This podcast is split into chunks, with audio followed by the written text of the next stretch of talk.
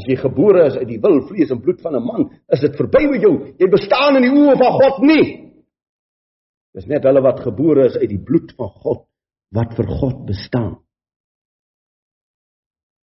En nog deur al die tye het die leiers op godsdienstige en politieke gebied nie geleer wat die wet van God is. Al die basterbloed en al die bastergeslagte al hierdie verskriklike elende van waar is 'n baster? Hy is uit hoerery. Dit niks anders nie.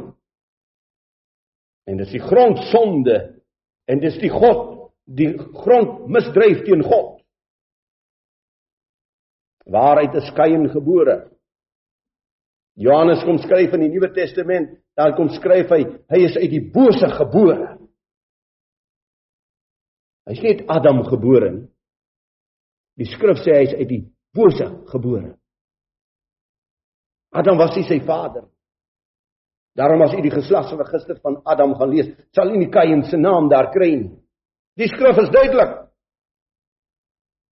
Hy is uit die duiwel gebore. Eva vermeng haar met hierdie gevalle wese. Waarheid is Esau gebore. Natuurlik is Esau ook uit die bose gebore. En Jakob is uit God gebore. Daarom is daar so 'n skerp lyn Nou lees ek wat Malagi sê. En ek wil hê ek hoop daar's iewers iewers in hierdie land 'n predikant wat moontlik eendag dit sal raak lees in sy lewe. Wat in die Bybel staan. En as hy dit raak lees dat hy saam met my hierdie pad kan kom loop sodat die volk die waarheid sal hoor. God kla die priesters aan deur die mond van Malagi. Hy kla die volk aan dat hy sê hy haat egskeiding. Watter egskeiding haat hy? Hy haat dat sy volk, dat sy vrou van hom skei, dat sy agter die heidene en agter die afgode aanhardloop. Juda het troueloos gaan. Juda het die verbond verbreek, die huwelikskontrak met God. En 'n gruwel, en 'n gruwel is in Israel en in Jerusalem gepleeg, want Juda die heiligdom, die heiligdom van Jawe wat God liefhet, wat Jawe liefhet, ontheilig en hy die dogter van 'n uitlandse god getrou. Hulle sê hulle het vir hulle vrouens van die heidene gaan trou.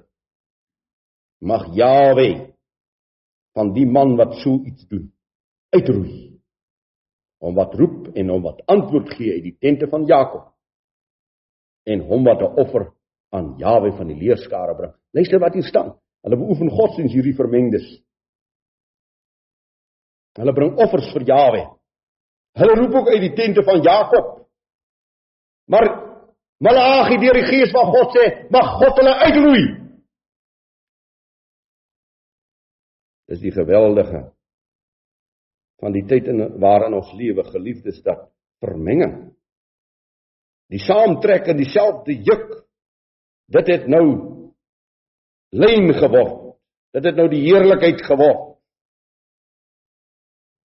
En word die basterbloed die vervloektes van die aarde alweer hoerery die grondsonde die grond misdryf en staan Kain en sy geslag staan Esau en sy geslag hierdie verbasterde geslagte staan hulle teen die ware kinders van God.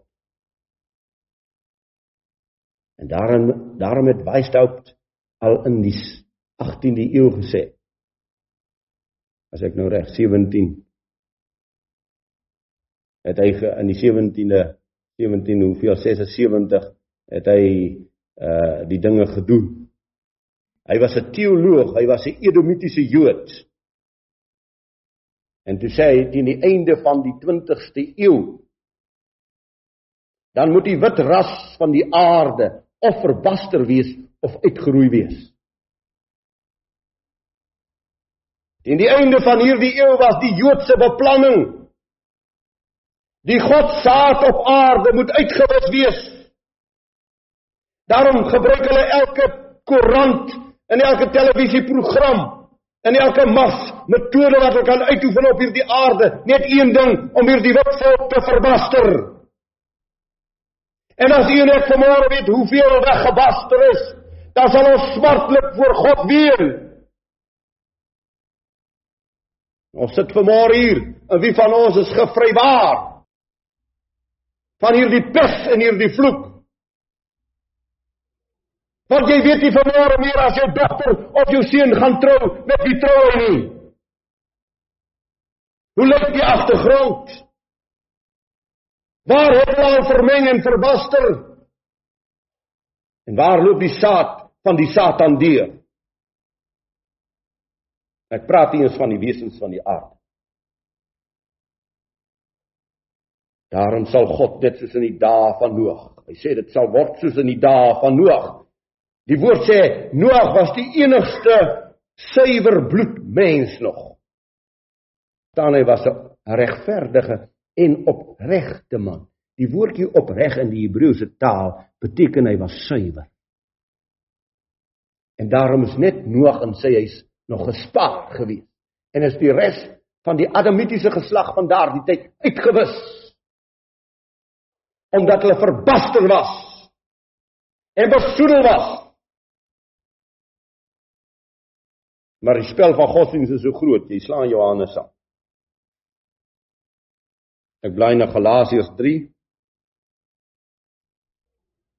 Die 10de vers want almal wat uit die werke van die wet is is onder die vloek want daar is geskrywe vervloek is elkeen wat nie bly in alles wat geskryf is in die boek van die wet om dit te doen nie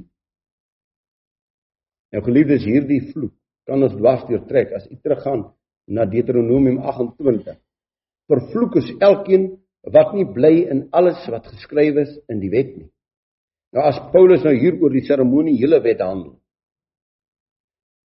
En hy maak die seremoniele wet so 'n ernstige saak in die Ou Testamentiese tyd. Die seremoniele wet wat moes nagekom. Hoe dink u, hoe ernstig moet ons die onveranderlike wet opneem? Die seremoniele wette is verander in Yeshua, hulle het verdwyn toe hy eenmaal finaal die offer gee het. Dis die seremoniele afgeskaf, maar vir Paulus was dit jy moet bly by alles wat die wet sê kan nie sekere dinge los en sekere dinge doen. Nou die die wet wat nooit verbygaan nie. Hoe ernstig moet ons dit opneem? Hoe ernstig moet die volk dan kom staan by hierdie woord wat sê jy mag nie verbaster nie. Jy mag nie vermeng nie. Wat leer die wet ons dan? En hoe herstel jy 'n saak wat jy belemmer het? Daarom sê Jawe ek sal vergeld tot in die derde en in die vierde geslag van die wat my ongehoorsaam is. En u sien hoe dat hy dit vergeld in die derde en in die vierde geslag van die wat hulle verbaster en vermen. Wat 'n smart moet dit vir 'n man wees of vir 'n moeder wees om te sien dat in die vierde geslag slaan die basters uit. Ek sien hulle met my oë nog.